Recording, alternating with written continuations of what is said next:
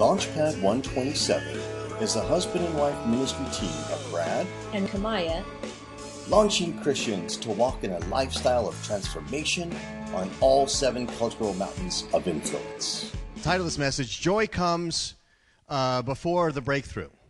Okay? And uh, so I want us to start with, uh, if you have your Bible, you can open up to Isaiah 54. I'll give you a second to do that. Now, as you're opening up your Bible to Isaiah 54, you probably recall that, you know, Isaiah 54 comes right after Isaiah 53. And uh, I only say that because Isaiah 53 is one of the most powerful prophetic passages about what Christ did for us.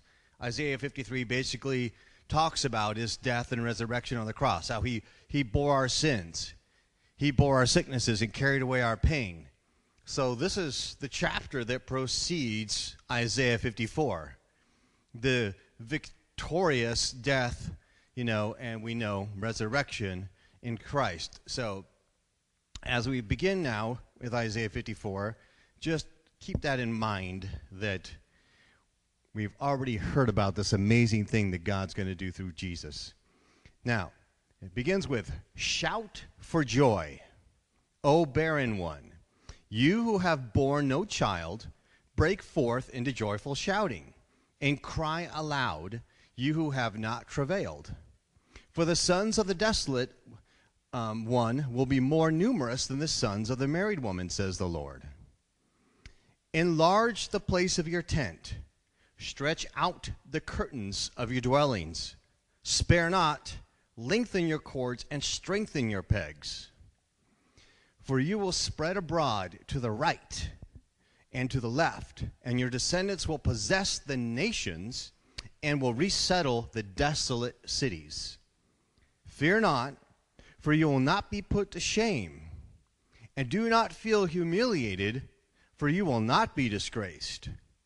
But you will forget the shame of your youth and the reproach of your widowhood you will remember no more. For your husband is your maker, whose name is the Lord of hosts, and your Redeemer is the Holy One of Israel, who was called the God of all the earth.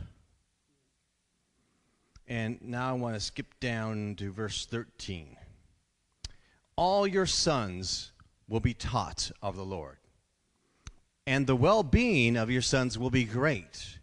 In righteousness you will be established. You will be far from oppression, for you will not fear, and from terror, for it will not come near you. I'm going to go back to the beginning eventually, but I just want to pause here a second. That it's interesting that it says um, in this passage, You will be far from oppression, for you will not fear, and from terror, for it will not come near you. What it's not saying is that oppression is not going to come your way, so you don't got to be afraid. Right? It does not say that. What it says is that because you are not afraid, you will be far from oppression and from and from terror for it will not come near you. You know, we know that fear is the entrance place of the enemy. The Bible says, For what I feared has come upon me. So it's very key for all of us that to remember that fear is an access point of the enemy. And when we become afraid because we believed a lie of his, we're giving him the authority that God gave us. All the authority that the enemy had had been stripped. He has power, but he can't use it unless he has authority, he has, unless he has agreement. So the only authority he can get is when he tricks us into giving it to him. When we become afraid, we become in agreement with him, and now we just handed him our authority to rule and reign in that area in our lives, and it can affect other people too. So I think it's pretty awesome that we can we don't have to be afraid because we have such a glorious God, and this passage will go on to give us a even more reason why we don't have to be afraid. Then it says, If anyone fiercely assails you, it will not be from me. It will not be from me. Whoever assails you will, be, will fail because of you. Behold, I myself have created the smith who blows the fire on the coals and brings out a weapon for its work. And I have created the destroyer for ruin. But no weapon that is formed against you will prosper, and every tongue that accuses you in judgment you will condemn. This is the heritage or the inheritance of the servants of the Lord, and their vindication is from me, declares the Lord. So we don't have to be afraid because if something comes against us, if something fiercely assails us, hey, it ain't God. It's not God, and God is the most powerful thing there is. So if it ain't God and God is for us, then we don't have to worry about something when it fiercely assails us just an aside. Well, I have a little quote I'll share later on, but it's funny when people try to say that these earthquakes or these storms, you know, it's God's judgment. No, it just said that God's not a destroyer. He doesn't do, go about destroying things, right? God brings life and life more abundantly. Anyway, um, in fact, let me just go to this. I forget the, the name of the guy who wrote this, but it's really awesome. Natural disasters are not God's judgment on our country or God trying to get our attention. They are simply the product of a sinful, imperfect, and broken world. Jesus himself, who was sinlessly perfect and God's beloved Son, faced several storms in which he either slept in, rebuked, or walked through. The Apostle Paul endured a brutal, long lasting hurricane, even though he was in the center of God's will for his life. Paul was going exactly where he's supposed to go, and yet a hurricane came against him. And it said that uh, Paul used his faith to believe for not one person to die in a ship, and no one died. He then saw an entire people group previously unreached, saved, and healed on the island of Malta. Something really good came out of something really bad.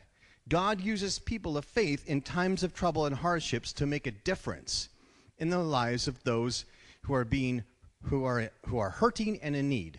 Instead of trying to place um, false blame and further discourage the people who are truly suffering um, let us as god's people share god's love and hope in this generation. In the midst of pain hopelessness and darkness this is our time to shine. That's just an aside but can you imagine somebody's house who's just been torn up. They lost everything. And some Christian preacher says it's God's judgment upon you. Wow, ouch. That's a really mean God. I don't want anything to do with a God and or killed one of their family members, so, you know, anyway. But what it does offer is an opportunity for us to come in and show God's love and grace. So, anyway, that's just an aside. Now, back to our passage. Going back to verse 1 Shout for joy, O barren one. It's interesting that the word shout here is the word shout for joy. Not like quietly in your heart, rejoice. It means shout. It means a ringing cry. It means a scream for joy. In fact, that word in the Hebrew also means overcome. So O barren one, for you have borne no child. So wait a minute. Uh, I, if I'm a barren woman, let's say I'm a barren woman, and over here is another woman who's not barren. And this one woman who's not barren has been bearing children for 10 years. Bill Johnson used this example, so I'm going to steal it from him. And so every year for 10 years, this non barren woman has born children. Bam, bam, bam. And over here we have a, a barren woman who has nothing. God says to that woman, Rejoice. And I'm going to give you way more children than that person who had a head start on you 10 years ago. Now, this not only speaks of barrenness in terms of childbirth, this speaks of anything that's barren in our lives. Okay? So anything that we're, we're we're barren in we don't have a job or we haven't had a job for a while. We're barren if we are fighting physical sickness. We're barren, you know, for a lot of different reasons. So this is the truth about the fact that God promises to fulfill that, not fulfill, but overcome that barrenness. And it starts with something completely unreasonable, like rejoicing before you've even received the provision that God's promised you. He goes on to say, um, Shout for joy, O barren one, you who have borne no child, break forth in joyful shouting and cry aloud, you have not travailed. For the sons of the desolate one will be more numerous than the sons of the married woman, he says, says the Lord. Enlarge the place of your tent and stretch out the curtains of your dwellings. Spare not, lengthen your cords, and strengthen your pegs. What this is, first you see an example of someone reacting in a completely unreasonable way because God promised them something and they're so overwhelmed with joy, they break out in shouting for joy because they know I'm not truly barren. I'm not stuck here. I have a God who promises me to overcome this. And not only that, God says, don't stop there. I promised you something, so make room for it. In this, it says, enlarge the place of your tent, stretch out the curtains of your dwellings. In other words, they lived in tents that were made of curtains. So you don't have any children, you better make your tent bigger because you're about to have some, right? So if you, you don't have a child, you live in a one bedroom house, add a room, or buy a two bedroom house. By faith. That's a faithful act. You don't have the child yet. You're not waiting until you get pregnant. You're not waiting to receive the promise before you move in faith. You act in faith ahead of time. God's saying to do it, enlarge it, and make it big, and strengthen those pegs, make them strong so that you're, you're really set up for what God's about to do. He says, For you will spread abroad to the right and to the left. Your descendants will possess the nations and resettle the desolate cities. Fear not, for you will not be put to shame. And do not feel humiliated, for you will not be disgraced. But you will forget the shame of your youth, and the reproach of your widowhood you will remember no more.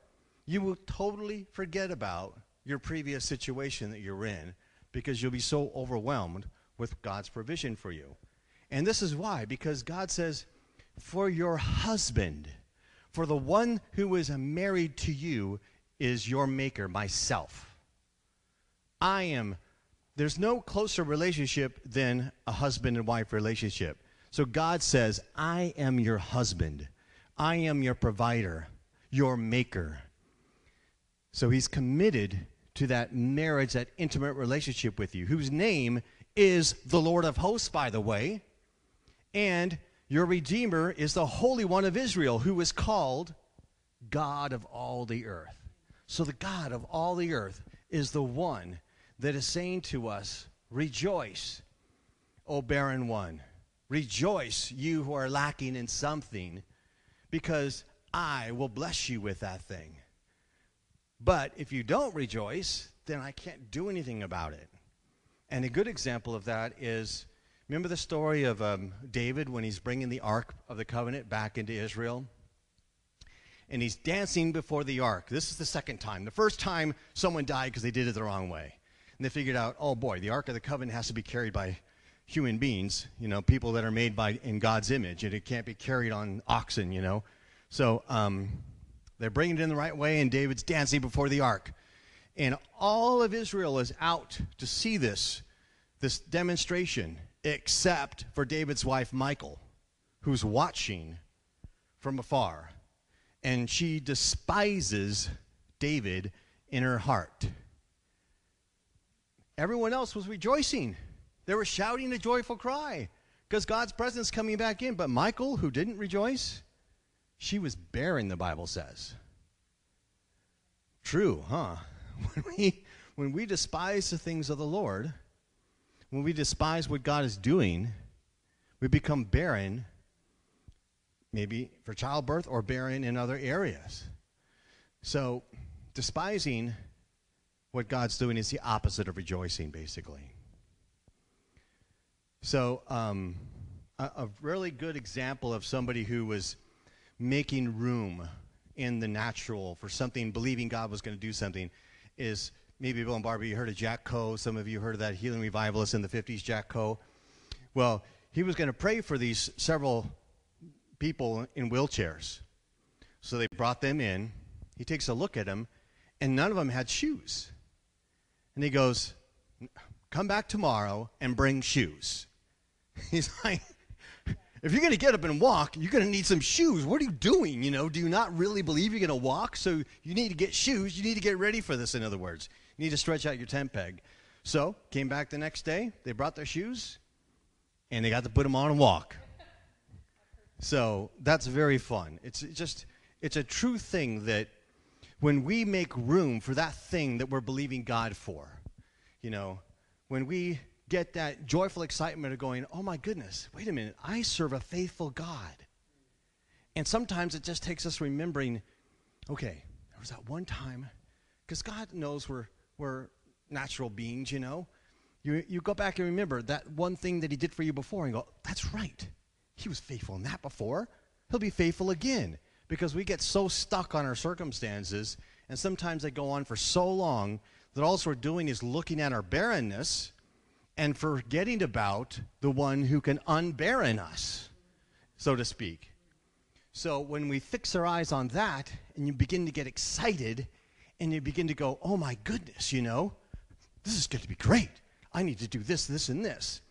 That is the kind of people that God is going to use to change nations.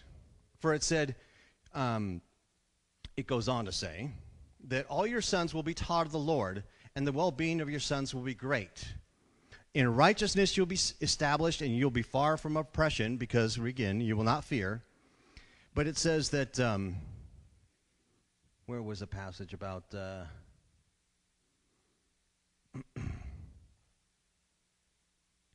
oh, yeah.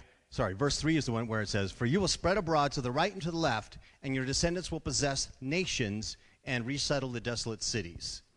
The point of this is the fact that you know, God's kingdom um, call for us, his, his demand on us, what he's asking us to do is disciple the nations.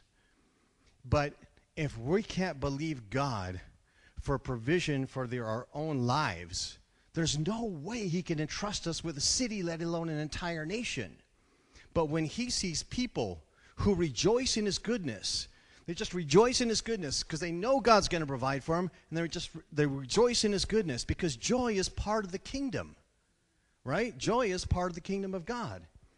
So, when he sees people that could rejoice in him, even bef- just because of who he is, not rejoice in what they already have, rejoice in of who they can be because of who he is, that's the kind of people that he's going to bless what they do and give them influence over nations and cities because those are the ones that carry the, the faith and the joy and the kingdom to come in and be able to transform stuff. If we can't transform our own lives, and I'm not saying I'm perfect in this at all, I'm still walking it out. I'm still in the challenge of rejoicing still. That's why I wanted to share this message today with you because I really want to walk I want to walk with the livelihood of rejoicing of getting up excited. And it's hard. It's hard, but it's it's I should say it's a battle, but it's just our choice. God gave us a choice and he gave us the ability to choose to rejoice. Otherwise, he would not require it of us.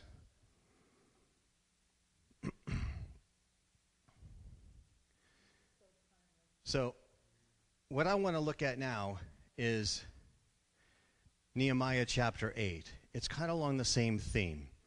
And in Nehemiah chapter 8, we could just read through it a minute here. This will further encourage you, I believe, I pray. It says, And the people all gathered as one man at the square which was in the front of the water gate.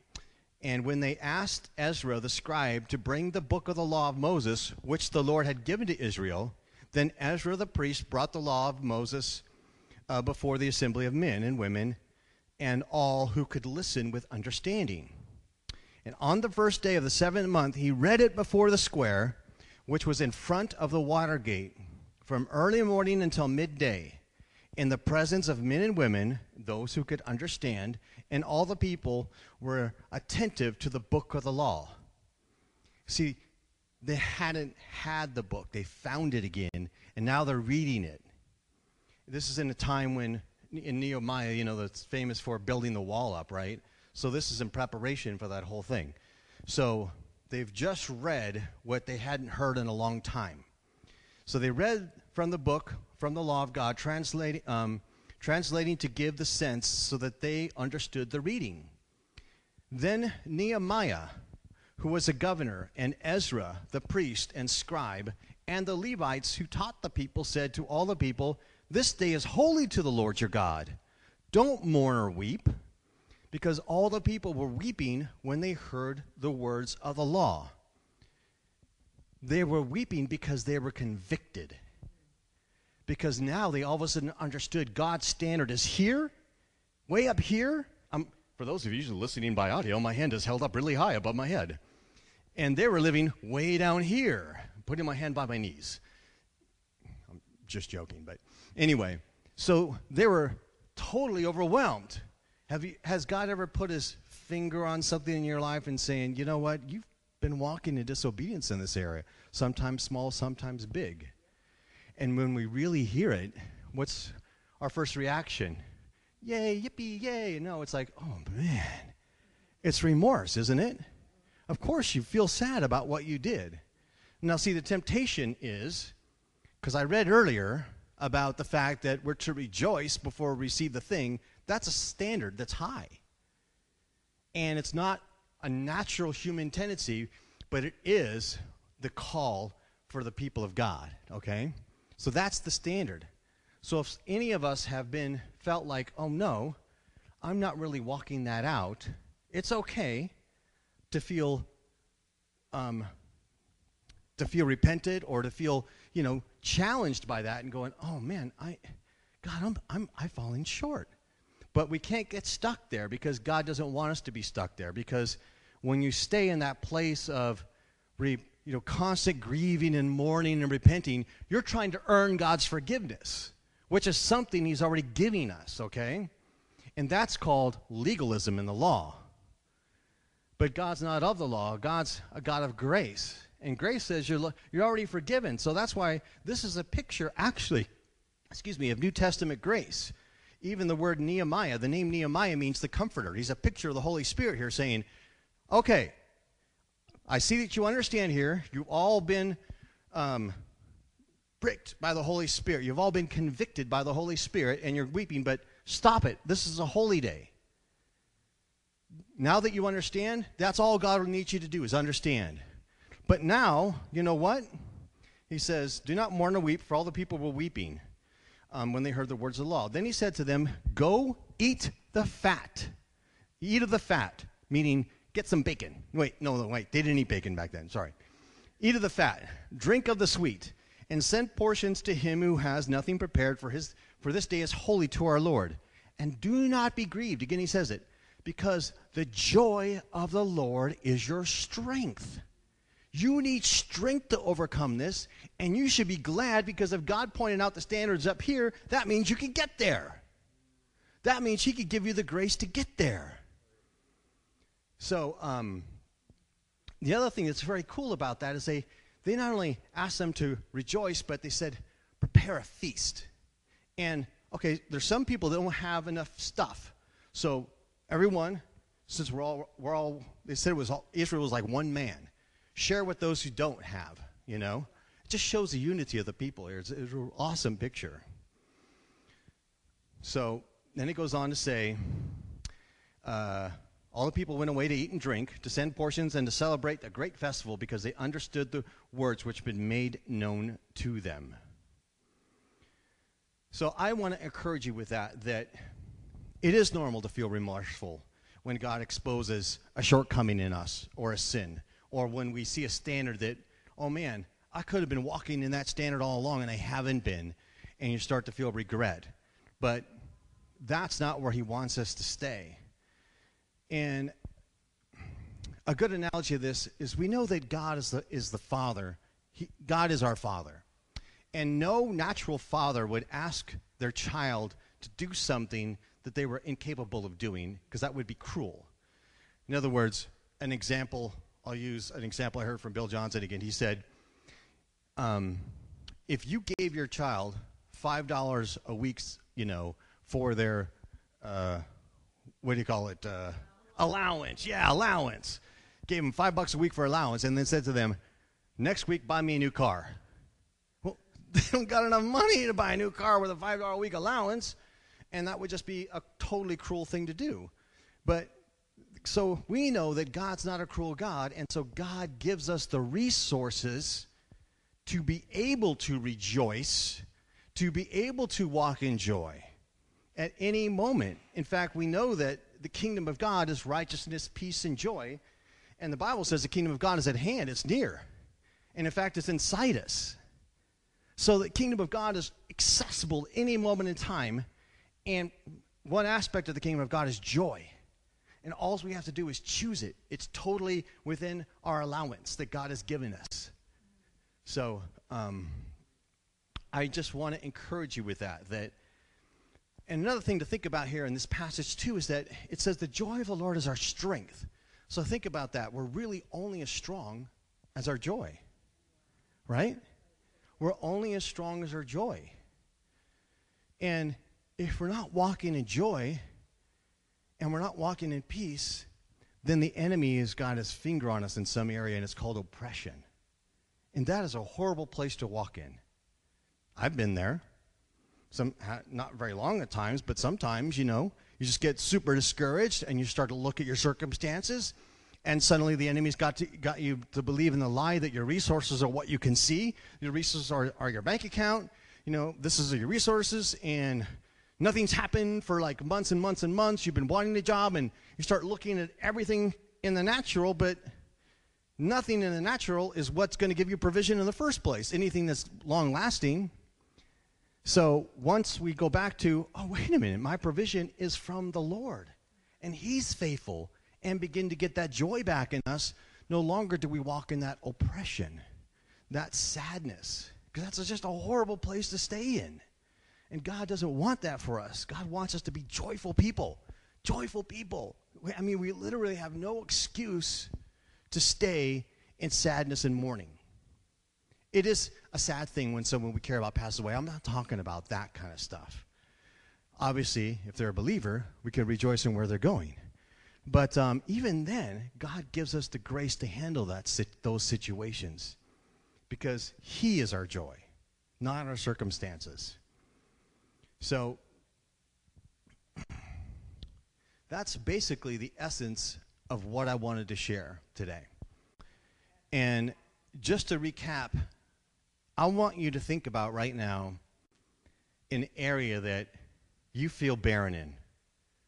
Might be one or two areas, okay? And now think about the fact that God has promised that you won't be barren. That is not your destiny. This is a prophetic word for us right now. This is not just a prophetic word for the Israelites back in those days. This is a prophetic word that's ongoing. And we know that heaven and earth may pass away, but the word of the Lord will never pass away. And in fact, the Bible says that every word, well, it's implied that every word of God has the power within it to bring forth what it promises even in a prophetic word. When God speaks prophetically over somebody, gets your prophetic promise, there's power in that prophetic promise for that to come forth if we receive it rejoicing and by faith.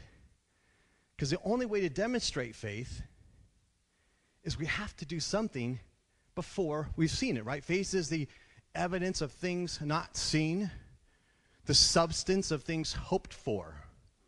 So when we shout for joy, well, we don't have it, that is an act of faith, isn't it? Oh my goodness, that's a, such an act of faith. And then we go the next step and we say, okay, I'm going to enlarge my tent pegs. You know what? Or I'm going to say, I, God's going to give me a, a big job, or He's going to give me some increase in this area, or He's going to heal my body. I want to be ready for that healing. I want to be ready for that increase to come in. Lord, give me wisdom and, and where to invest. What do I do? Because if it comes in and we're not ready for it, God won't do anything because we're not ready. That's why he says to take that action of so think about that place of barrenness in you and think about what you need to do in the natural to make room for it when it comes. Okay? And if you feel led to do it now or you want to do it later on, but I just encourage you to rejoice! Shout for joy! Come on! I'm going to be healed. I'm going to get to run fast. Yes! I can't do it now, but I want to buy myself some running shoes. Okay? I'm serious. That's the truth of it. I haven't had a job in five years, and I went on an interview at a job um, this last week, and I'm not sure if I'm going to get the job or not because I'm not even sure I want the job because I saw what I saw in it was that God brought me through all this stuff. He brought me through all this experience. And God's not one to go from glory to anti glory. In other words, He says when he, when he entrusts us with a little, we'll be faithful with much. He entrusted me with a giant company. And this other job here, sure, I could be a blessing to them, but it just feels like I'm not really walking in what God has called me into, what He's trained me up for. I'm going to go into that place that He's brought me through all these things so now I can use the fullness of that experience to truly bless somebody and, and to be a blessing to whatever that looks like. So now I'm excited because God does have a job for me or a business, whatever it's going to look like, that's custom made for who He's called me to be. Not for something I'm trying to squeeze into a job description that's, yeah, I could kind of do that, but it's not really me. But you know what? I should probably take it because I don't know how I'm going to pay my bills. See, that's a lie. That's a temptation, you know? We have to be good stewards, but we also got to walk by faith at times. So, that's a challenge, okay? There we go. Amen. So I just bless you right now just to get with God and just read this read Isaiah 54 please please please read it when you get home. Isaiah 54 please read it and just meditate on it. Just meditate on it and just think about just this is what was happening with me as, as I heard this, as I was reading through this. I was just imagining, like, God really doesn't want me to be barren. God really wants this. He really wants me to walk in non barrenness. He really wants to give me these things. And I'm like, I started to think back about times when I would have an expectation you know, when Kamai and I were pregnant, we were jobless, carless, homeless, and pregnant, and all this stuff. And and she was already pregnant, like I said, but we didn't have any place to live. We didn't have any money. So we put together this faith list because God's word promises where two or more um, agree together asking anything in my name, you will have it. We put together this long faith list of stuff, including a video camera to videotape our son, you know. It's not even a necessary thing, but we still wanted it, you know. But there was this I don't know, inside of me there was this anticipation. I just knew we were going to get it. I just knew we were. I didn't, I didn't, have any reason to believe it. But it's like, I don't know about you, Kamai, but I literally was like, we're just going to get this. So I'm just going to do what I need to do. Okay, Lord, what's next? You know, I just did whatever He told me to do, but I just knew, and we got it. You know, when Townsend was born, we were in a house that we were renting. We had all that stuff. So I just encourage you. There's that place where you just get to. You got to meditate on it, though. You got to think, okay, wait a minute. You get convinced in your heart and you go, I can't see it yet, but I could see it in my mind's eye. I could see it because I, I believe God. And if you're not there yet, just keep on looking at it, reading it until you understand He is your husband. He's married to you. He is so committed to you. God cannot get any more committed to you than He's committed to you as our husband and maker. He's called us joint heirs in Christ Jesus. He can't get more committed to us. He can't give better promises than seek first the kingdom of God, and all these things will be provided for you. So, I think I'm done. I'm going to blow the shofar because we're transitioning out of Rosh Hashanah. We got a new year coming. Yeah. Okay, Lord. Father, I just ask right now, Lord God, that we would see your goodness, Lord God. We want to see and taste the goodness of the Lord in our lives, Lord God. We, help us, our spirit, Lord God, to receive the truth that you are our husband and you are our maker. And you don't want us to be barren, Lord God. You already promised, Lord God. This is just one passage, but you promised in so many other places that, that you forgive all our iniquities and you heal our, all our diseases. In Psalm 103, it says that you deliver our lives from the pit and you bless our years with good things to restore our youth as the eagle. In every place, Lord God, you promise provision that we would prosper even as our soul prospers, Lord God. So I just pray that the enemy would have no more hold in our in any thinking. If there's any area in our thought process right now, Lord God, I pray that you would expose that lie with the truth of who you are. It would be cast out so that we could truly walk in joy, Lord God. And that joy would give us strength. And we would go stronger every day, Lord God, because with the joy of the Lord is our strength. So right now, Lord God, I just call for your spirit to speak in every, to every one of our hearts, Lord God, in any area that we're not completely trusting you in, Lord God. Expose it and show us the truth, Lord, that we could rejoice. Not just expose us so we feel bad, but show us why you want to expose that truth so we could come into the fullness of your promise that you have for us, so we could walk in the fullness of what you intend for us and not be stuck in that lie that the enemy is trying to oppress us with. So I thank you for doing that right now. Thank you, Holy Spirit. Just come and minister. Thank you, Lord. Thank you, Lord. So I just believe, Lord God, that as we leave this place, Lord God, you'll continue to speak to us. That this, that this word that you spoke today, Lord God, not my words, but your words that came forth, Lord God, would, be, would continue to penetrate our heart, would continue to penetrate the layers of our being, Lord God, to go deeper and deeper. I need it more. I get so easy, it's so easy to stumble and get stuck back into looking at the natural as opposed to your goodness, Lord God. So I pray for the grace, Lord God, to, for continued growth. I pray for momentum in this new year, momentum to come forth right now in Jesus' name. Let there be a momentum, a new momentum that we just can't let go of it. It just bothers us. We're so we're so enticed and so intrigued and so excited about what you have for us. It just it it just we can't get away from it. So I thank you for that, Father God, that you'll just hunt us down with your goodness, Lord God. Thank you, Daddy. In Jesus' name, amen.